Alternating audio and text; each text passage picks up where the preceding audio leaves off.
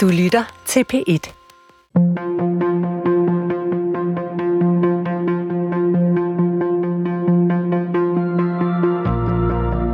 Hvad kan vi bruge en næsten 2.000 år gammel samling tekster til? Kan vi overhovedet forstå os selv, uden at læse Bibelen? Christian Let mener, at Bibelen er verdens vigtigste bog. Lauke Hendriksen læser den for første gang. Og sammen gennemgår de historierne, der stadig former vores bevidsthed og forsøger at finde ud af, hvad de betyder for os i dag.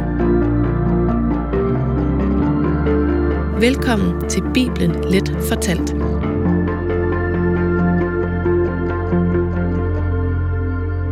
David og Goliat. David og Goliat, eller David mod Goliat, er nok titel eller sætning fra Bibelen, jeg ofte støder på i, i hverdagen, og den her symbolet på den lille sejr mod overmagten, hvor den lille vinder mod alle odds. Det, det er noget, vi ser i høj grad blive brugt i, i sport, politik og meget andet. Og, og hvorfor er det lige præcis den her, som så ofte bliver brugt i alle mulige ting, Christian? Jamen, det er jo det, vi skal øh, prøve at finde ud af i dag ved at gå ned til, til den, den reelle historie, kilden. Eller er det det?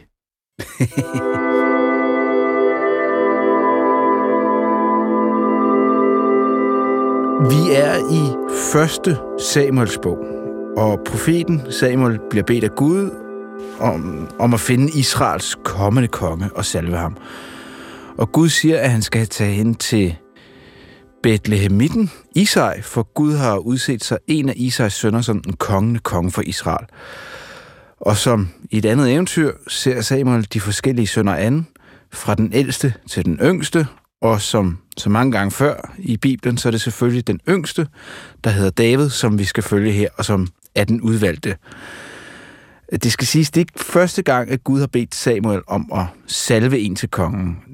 Det har Samuel også gjort med Saul, men da David bliver salvet af Samuel, så forlader Guds ånd Saul. Øh, og det ændrer dog ikke på, at Saul stadig er kongen. Øhm, og, det, og det tænker jeg, det, det må vi tage på et andet tidspunkt, hele den historie. Men ligesom vi havde med historien om Samson, så er israelitterne i krig med filisterne. Og her opstår en situation, hvor de to herrer, de stiller sig over for hinanden og venter på, at kampen skal bryde ud. Og ud fra filisternes rækker træder en kæmpe stor mand med navn Goliat. Og han vil udfordre den af israelitterne, der tør til en tvekamp.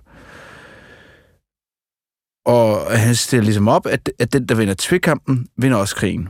Problemet er bare, at der ikke er nogen af israelitterne, der tør at kæmpe mod den her kæmpe Goliat. På et tidspunkt så bliver David af sin far bedt om at bringe noget mad til sine ældste brødre, der deltager i krigen. Og da David kommer hen og hører, hvordan situationen den ligesom er, går han hen til Israels konge Saul og siger, den tager jeg forholdet, den har jeg styr på. Øh, og først så bliver han faktisk udstyret med kongens rustning, men det, han kan ikke bevæge sig, så han tager den af, og det ender med, at det eneste udstyr, David har med mod verdens stærkeste mand, skulle man til at sige, det er en slynge. Øhm, og, og kampen her, den, den går i gang, og det utroligt sker. David løber hurtigt hen mod Goliat, tager sin slynge frem, tager en sten op af tasken, slynger stenen og rammer Goliat lige panden. Og, og på den måde vinder David den umulige kamp mod Goliat.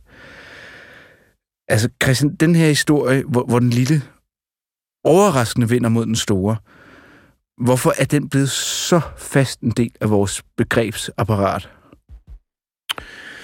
Ja, der, der er noget tidsløst over det, og, og, og måske endda så tidsløst, at, at den også har rødder et andet sted. Øh, det, det er sådan en, en, en mytologisk figur, som vi ser eko af rundt omkring, tror jeg, i, i mange forskellige kulturer. Men, men for vores vedkommende, og hvorfor den er blevet så central, øh, skal vi også, øh, så, så bliver vi nødt til at være meget klar over den afgørende faktor, som i og for sig er meget, meget vigtigere end den moralske historie, som er, du ved, at man kan godt være lille og hurtig, øh, og man er stor og langsom og alt sådan noget der. Meget, meget vigtigere end det er, at det er her, vi bliver introduceret til kong David. Ham har vi hmm. sådan talt rundt om før i tiden øh, i de her programmer. Øhm, og, og nu, øhm, nu tager vi hul på ham, så at sige. Kong David er den største af dem alle. Det er ham, der netop er den salvede, øhm, når man refererer til det. Øhm, og og du, lag, du var selv inde på det her, at det var, han blev salvet til konge. Vi skal huske, at det på aramæisk øhm, betyder noget i retning af, eller lyder som noget i retning af Mashiach, altså Messias. Det er simpelthen her begrebet kommer fra, og det er ham, man refererer til, når man taler om den jødiske konge, som, øh, som ligesom øh, øh, forenede de israelske stammer og lavede det rige, som man bliver ved med at vente på, skal komme igen i, jødisk apokalyptisk øh, prædiken.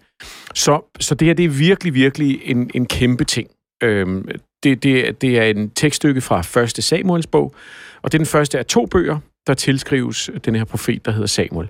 Samuel, han er den første sådan reelle profet, og med mm. det mener jeg, at, at man, man kan sagtens, at der senere snakket om, at Moses også er en profet, og, men her ser vi virkelig begyndelsen på profeten som denne her mellemmand mellem ofte folket eller kongen, når der er en, og øh, Gud. Så, så profeten er sådan en, der i sin ypperste form holder folket og kongen til ansvar. Ja, så, så er vi ude i sådan øh, Gandalf, altså type. Øh, sådan. Ja, men det, der er interessant ved den sætning, det er, at, at det er, at de holder kongerne til ansvar.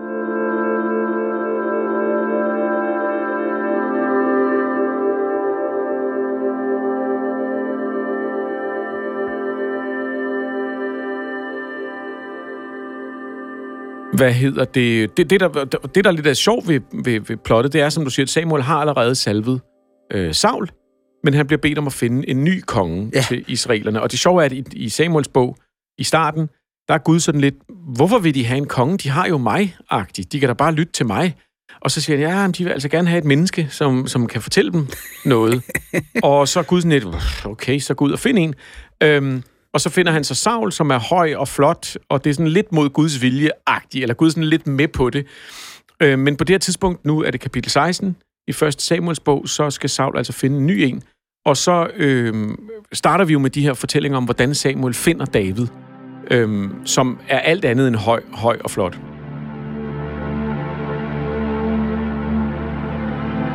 Første Samuels bog. Herren sagde til Samuel, hvor længe vil du sørge over Saul, når jeg har forkastet ham som konge over Israel?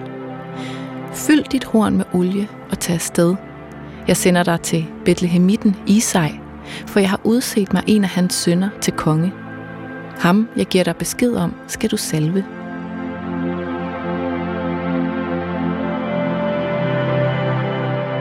Ja, det er meget sjovt, det du siger her, fordi jeg får mere et billede af jamen, det er sådan, nærmest en presserådgiver, der sådan, for, for et parti, som så sådan, at, at det der formand, vi har lige nu, det, det er godt være, at vi faktisk skal til at finde en anden, selvom vi mm. framer ham som, det er den rigtige, men det kan godt være, at vi skal ud og have en anden.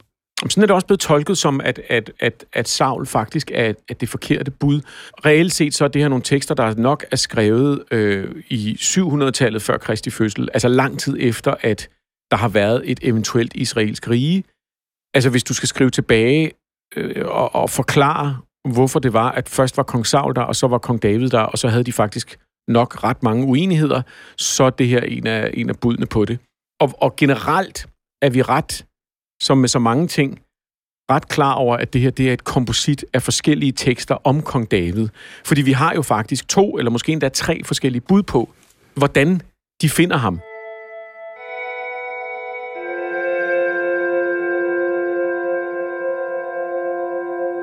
Jamen, øh, den, den del af det øh, er, er jo også tydeligt for mig, og, og det gør også, at jeg, jeg har faktisk været ret splittet om, hvad, hvad jeg synes om den her historie, fordi vi har været inde på det før, men jeg kan virkelig godt lide, når vi bevæger os over i de her eventyragtige historier.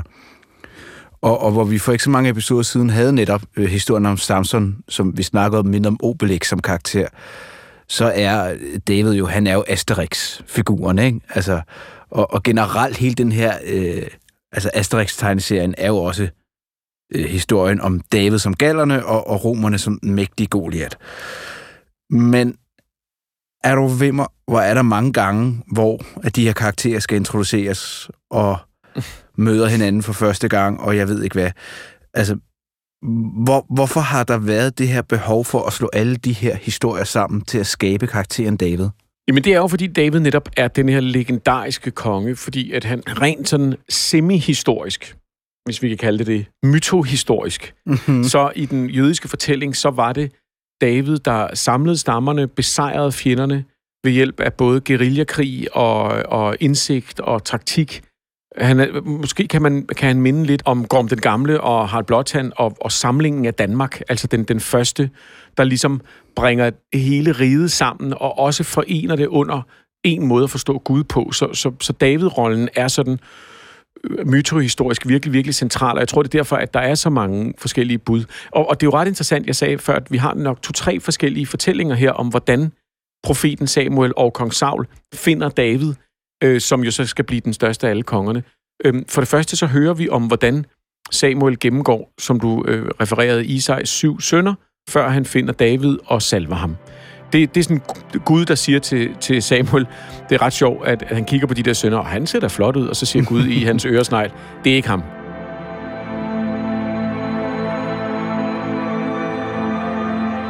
Da de kom, og han så Eliab, tænkte han, her står Herrens salvede foran Herren.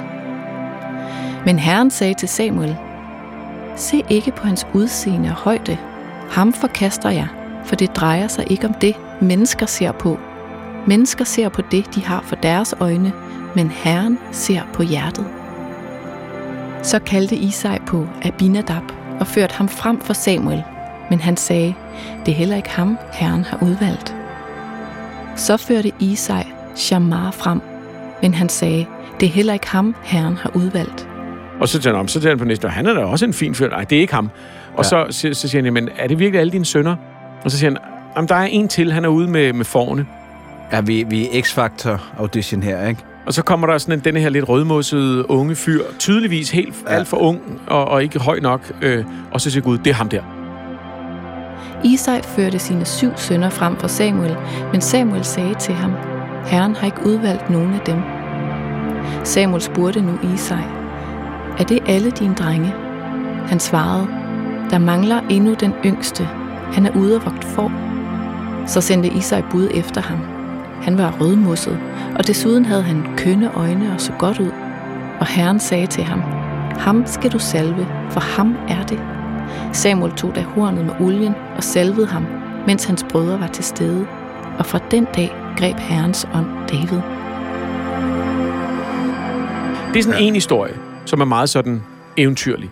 Så er der en anden del historie, hvor, øh, hvor, hvor Saul forlades af Herrens ånd. Det sker faktisk i det sekund, at Samuel salver David, så, så forsvinder energien ligesom ud af, hans mojo forsvinder fra Saul, og han bliver, ja, man kunne tolke det som, han bliver deprimeret simpelthen. Herrens ånd forlod Saul, og en ond ånd fra Herren overvældede ham. Øhm, og så spørger han, er der nogen som helst, der kunne spille noget musik for mig? Og så siger folk, som om det slet ikke er sket det med, med, med, med David. Ja, der er vist en fyr, der spiller lyre, som vi, kunne, mm. som vi kunne ringe til. Sådan kom David til Saul og kom i hans tjeneste. Saul kom til at holde meget af ham og gjorde ham til sin våbendrager. Hver gang den onde ånd fra Gud kom over Saul, greb David sin sitar og spillede. Så fandt Saul lindring og fik det godt, for den onde ånd forlod ham. Og, det, og, og så får vi at vide, at, at, øh, at Saul, øh, han ligesom, han, hans sjæl bliver rolig, når han, når han hører David synge og spille. Og så er der så historien om David og Goliat, hvor David igen nærmest som om de andre ting ikke er sket. Lidt ligesom sådan en Truman Show. Bare hjemme med familien, og øh, hans øh, brødre, de er alle sammen i krig. Altså før var de derhjemme, men nu er de nede ved, ved, ved frontlinjen, og faren siger, vil du ikke tage noget mad ned til dem?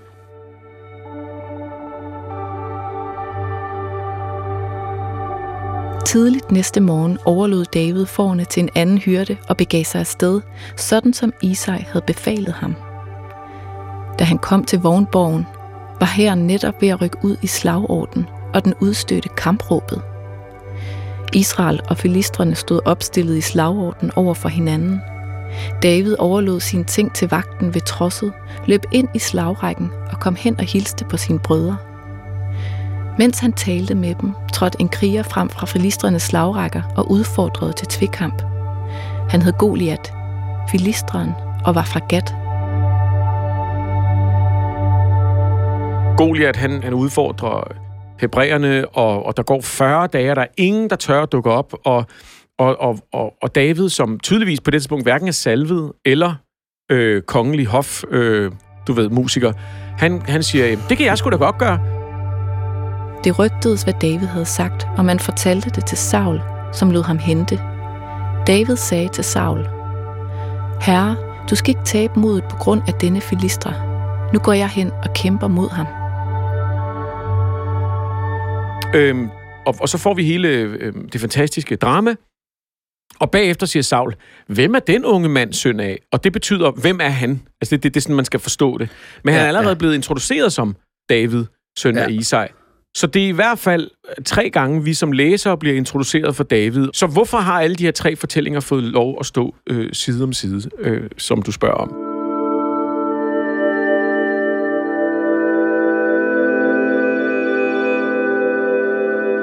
Hvis der er en inkongruens i bibelfortællingerne, som vi har været ude for før, fordi at de, de gentager det samme på forskellige måder, måder så, så har vi, vi, vi to har tit joket om det der med, at så, så, så sidder så redaktøren, han har ikke tur at gøre noget, eller også så har han siddet og sovet, øh, faldet lidt i søvn, øh, mens han har redigeret. Men der er der så en bibelhistoriker, der siger, at hvis, hvis inkongruenser i bibelfortællingerne, de vidner om, at redaktøren falder lidt i søvn, så er denne her historie altså et, en redaktør, der er i dyb søvn. Fordi det, det, det er så eklatant. Så derfor er det sgu nok ikke tilfældigt. Ja. Der er et bud, at de jo fortæller tre afgørende forskellige øh, historier om kong David. Den ene er, at han er udvalgt af Gud. Det næste er, at han er sanger, skråstreg, salmeskriver, skråstreg, profet. Alle salmerne i salmernes bog skulle jo være skrevet af kong David. Og så er han også en fantastisk kriger. Og der kan du se, at hver af fortællingerne øh, har ligesom hver sin del af det. Øhm, hvis, hvis vi kun havde haft den første fortælling, om at han var blevet udvalgt af Gud, så havde vi ikke introduceret karakteren særlig godt. Hvis vi kun havde haft Nej. historien om David og Goliat, så havde vi nok blevet overrasket, når han pludselig havde en lyre frem senere og skrevet salmernes bog. Du ved, og så videre og så videre. Så man kan argumentere for, at de her tre historier skal være der, fordi det er dem, der til sammen giver et billede af det, der også er blevet kaldt det første rigtige menneske i verdenslitteraturen, Altså, så, så ja, okay, kompleks menneske med, med, med flere forskellige dimensioner. Men, men hvad er det for nogle karaktertræk, som David besidder, der gør, at han er værdig til at være Israels konge? Den amerikanske øh, bibeloversætter og forsker Robert Alter, han, han taler om, at den her historie handler om, hvem der kan se korrekt. Fordi at Samuel skal se, hvem den rette er. Og han, han tror, det er den flotte, høje, stærke, men i virkeligheden øh, er det den lille, rødmossede ligegyldige, ungdomlige fyr. Så der er et, et, et tema der, som handler om, at man ikke kan dømme hunden på hårene i og for sig, eller bogen på dens omslag, at, at, at, at Guds kraft er inde i nogen, og det er noget indre, som du ikke kan se. Og du kan faktisk gå galt i byen, hvis du tror, at det ydre definerer dig. Fordi hvem skulle have vidst, at David ville blive så stor en, en konge? Det viser David med sin første handling, da han besejrer Goliat, kan man sige. Ikke? Du glemmer jo også, at efter han smider den sten, eller kaster den sten i hovedet på ham, så, så det første, han gør, at han går hen ja. og hakker hovedet af ham. Og, og jeg forestiller mig, når en lille fyr forsøger at hakke hovedet af en 3 meter høj mand, så er det altså ikke et, en, en, en enkel øh, handling. Så er han stået og hakket ned i en død krop. Øhm, det er virkelig og, det var der, hvor Asterix sammenligningen den stoppede. Ja, det er, det er det lige præcis. Det er der, hvor det bliver altså virkelig, specielt i den lidt mellemøstlige øh, retorik, får et helt andet, lidt uhyggeligt billede af en, der står og prøver at halshugge et andet oh, menneske ja. med en, øh, et historisk mellemøstligt svær. Ikke? Mm. Anyways, men, men for, for, for at blive ved den, kan man sige, at, at altså, hvad, Goliath for eksempel, ikke? Goliat mener vi betyder, altså ordet Goliat betyder manden, manden fra stedet mellem. Mm. Øhm, som sagt er han over omkring 3 meter høj og, og, og en, en fandenskal. Der kommer vi måske hen i noget af det mere sådan eventyrlige også, at, at denne her historie findes også i græsk mytologi, hvor Nestor dræber en kæmpe kriger øh, som, som en ung dreng. Og, og, og det, det har ligesom den her klang af en myte. Men her har jeg lige en overraskelse til dig. Ikke? Prøv lige at tage din bibel og slå op på øh, 2. Samuels bog, øh, kapitel 21, vers 19. Okay. Nu læser jeg lige fra, fra øh, vers 18 her. Ja. Nogen tid efter blev der igen krig i Gob med filistrene. Ved den lejlighed blev Saf, der hørte til Rafaslægten, dræbt af Sibekai fra Husha. Der blev igen krig i Gob med filistrene. Elkanan, der var søn af Jair fra Bethlehem, dræbte Gatitten Goliat, hvis spydstage var som en væverbom. Ja, det kan jeg da godt se. Det, det, det er da noget råd. Ja, det, det er jo ret interessant, kan man sige. Øhm, vi har simpelthen... Øh, Goliat bliver simpelthen dræbt to forskellige steder. Øh, og en af øh, øh, teorierne er, at det har været sådan en historie her, som øh, om Elkanan, der altså dræber øh, Goliat, men at den simpelthen er blevet skrevet ind i Davids historie, fordi at, at Elkanan er en, en, en bikarakter, og David er en hovedkarakter. Der er skrevet en fiktionsbog, der hedder Giant Slayer, tror jeg nok, som handler om, hvordan Elkanan dræber Goliat, og så stjæler David æren for det. Ej, hvor sjovt. Ja. Det er som om, det er noget, der er sket dengang, at han dræbte ham, og så går David rundt bagefter og siger, det var mig, der gjorde det. Og han er ligesom kongen, og så er der ikke så meget at gøre. Så det vil sige, det tyder jo på, at, af, vi kalder den David og Goliat, men den kunne egentlig have heddet Nestor, øh, og øh, jeg kan ikke huske, hvad den kriger hedder. Den kunne egentlig have heddet øh, Elkanan og Goliat. Pointen er, at, øh, at det den lille, unge, uerfarne kriger, øh, besejrer øh, den store, øh, voldsomme, voksne kriger med øh, snille og, og evner. Ikke?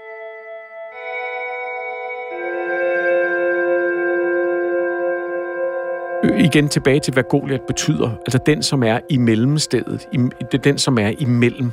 Og der mm. kan du sige, her der har du vidderligt et klassisk overgangsritual, hvor den unge øh, David jo simpelthen siger, at han går ud og gør det her. Øh, det eneste, han har gjort før, det er, at han har passet for, og så har han når jo besejret vilde dyr. Og så er det her, at han pludselig går ud og besejrer, altså tager den overgangs, det overgangsritual. Du var inde på noget interessant, også da du i det resume, som jo er netop, at selvom David er salvet, bliver øh, Saul jo ved med at være konge. Øhm, Ja. Så det er en overgangstid. Det er en mærkelig tid, hvor David er udnævnt, men Saul stadig er konge, og så går han ud og kæmper mod, når jo, ham der er mellem stederne. Så der er sådan ah. En dybere mytologisk Ja, okay. øh, fortælling her, ikke? Som er noget af det, vi ser i, i, i de klassiske eventyr, hvor at den drengen tager ud, eller pigen tager ud, og oplever noget, og skal gennemgå et eller andet, og kommer tilbage, og så er ændret for evigt. Og det må man jo sige, at i det, han besejrer Goliat foran alle styrkerne, og det, det vil jeg bare lige læse op, for jeg synes, det er så forrygende, øhm, at da, da, hvad hedder det, Goliat øh, ser David øh, komme frem, så siger han, tror du, jeg er en hund? Siden du kommer mod mig med din stav. Altså simpelthen, hvad er det for noget? Ikke? Altså, hvad er det en hyrde, der kommer ud der? Øh, og så øh, forbander han David, og så siger han, kom herhen, så skal jeg give himlens fugle og jordens dyr din krop. Den er ret, den er ret god, synes jeg. Men så siger David altså, Du kommer mod mig med svær og spyd og krumsvær. Men jeg kommer mod dig i herskares herres navn, Israels slagrækkers Gud, som du har hånet. I dag vil Herren give mig dig i min magt. Jeg slår dig ihjel og skiller dit hoved fra kroppen, og line fra filisterherren giver jeg i dag til himlens fugle og jordens dyr. Så skal hele jorden erkende, at Israel har en Gud, og hele denne forsamling skal erkende, at Herren ikke frelser med svær og spyd krigen er herrens, og han, og han vil give jer i vores hånd. hånd. Det er altså, hvis man skal snakke om uh, motivational speech og visualisering, så er David altså fat i noget virkelig stærkt der. Den tror jeg er god, den der at lige ramse op mm. for sig selv, før man skal ind til uh, lønforhandling eller et eller andet. Ikke? Uh, det, den, den, den fylder en med energi. Da filisteren nu satte sig i bevægelse og styrede lige hen imod David, løb David hurtigt lige imod filisteren foran slagrækken, stak sin hånd ned i tasken og tog en sten op af den, slyngede den rundt og ramte filisteren i panden, så stenen borede sig ind i hans pande, og han faldt næsegrus til jorden. Sådan overvandt David filisteren med slynge og sten. Han slog filisteren ihjel, skønt han ikke havde noget svær. Øh, jeg tror, at det er det, der blev ved med at drive os også mod den her fortælling. Det er jo netop den her øh, utrolige historie øh, om at gå ind imod alle odds og, og, og, og ikke bare besejre, men, men gøre det umulige på en eller anden måde. Øhm, og som sådan, så, så, øhm, så står David og Goliath-historien tilbage. Men det, der som sagt også bare er vigtigt for os her, det er, at det er altså introduktionen til den salvede, ham som vi får at vide, at Jesus er af samme slægt som ham, som bliver ved med at blive refereret til som Messias, øh, og som Jesus nærmest er en, ifølge den, den, den jødiske tradition og i den apokalyptiske tradition, skal være en slags genkomst af. Så det er virkelig en central karakter, både for jøderne og for de kristne.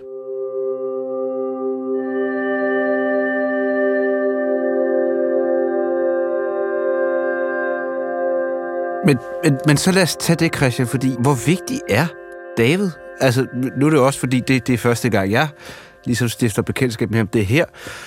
Øh, men der bliver jo refereret til ham hele tiden, og jeg tænker sådan, altså, øh, for de kristne i hvert fald, hvis Jesus er den vigtigste, øh, Moses er også deroppe af, altså, hvor, hvor på skalaen over vigtige personer, hvor, hvor ligger David henne?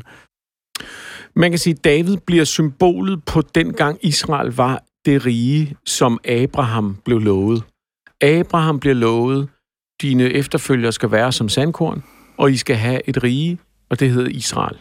Hmm. Der er kun et sted i historien, øh, altså i, øh, i anførselstegn, i historien, at det har lavet sig gøre, det er med David som konge. Så det vil sige, hver eneste gang derefter, hvor man taler om, at det skal genetableres riget, så er det David, man kigger mod. Og ikke bare var David den eneste konge, David var også ifølge det gamle testamente en slags øh, superkonge. Altså de fanbøjer David helt vildt gennem det gamle testamente. Han er ikke bare den sidste gode konge, han er også øh, verdens bedste konge, og u, u, altså du ved, en utrolig mm. digter, og en øh, i kontakt med Gud, og alle pigerne ville have ham, og, og, og han var klog, og du ved, det bliver sådan en uendelig historie om, om hvor stor han var. Det vil sige, når man i senere i, i, i jødisk øh, realhistorie længes mod et rige, der engang var, så er det David, der bliver symbolet på det. Og der, der vokser hele den her litteratur ud af, hvor han også bliver helgengjort nærmest, kan man sige. Ikke? Så, eller det kan man ikke nærmest sige. Det bliver han. Han bliver simpelthen helgengjort. Så det vil sige, at, at øhm, øh, for de kristne, så er det det, de taler op imod. Nu har vi lavet et program om menneskesønnen. Vi har snakket meget før om, hvordan Jesus bliver kaldt Messias. Vi har talt meget om, hvordan at det ligger ud af en apokalyptisk tradition, hvor man håber på, at der kommer en konge. Det er alt sammen David, det peger på. Og det vil sige, derfor bliver David øh, det, så central en figur. Det er derfor, Jesus er af Judas stamme. Det er fordi, hmm. det er hmm. David. Det er, det er simpelthen sådan, historien bliver, bliver skrevet. Øhm, ja. Og hvis man, hvis man øh, har svært ved at forstå, om det kan være sådan, så kan jeg fortælle dig, at sådan er det stadig i dag i apokalyptisk jødedom. Stadig i dag er det David, man taler om. Så det vil sige, ah.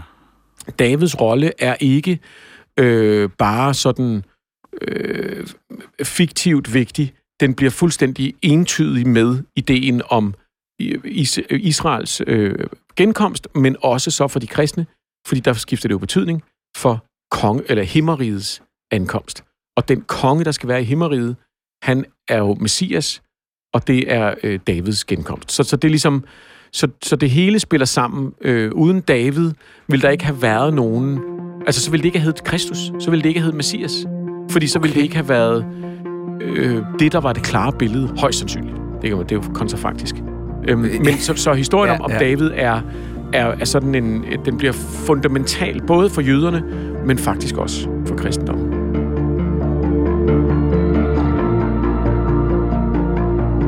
Det gamle testamente har to skabelsesberetninger. To begyndelser på det hele. Men i Johannes evangeliet, i det nye testamente, er det som om, at det hele lige skal begyndes igen. En gang til. I begyndelsen var nemlig ordet. Men hvilket ord er det? Ja, det finder du ud af i næste program. Husk, at du altid kan finde tidligere udsendelser i DR's radio-app DR Lyd. Bibelen Let fortalt er klippet og tilrettelagt af Lauke Hendriksen og Christian Let fra Munk Studios. Redaktør er Hanne Butz Jørgensen, og jeg hedder Karen Strohrup.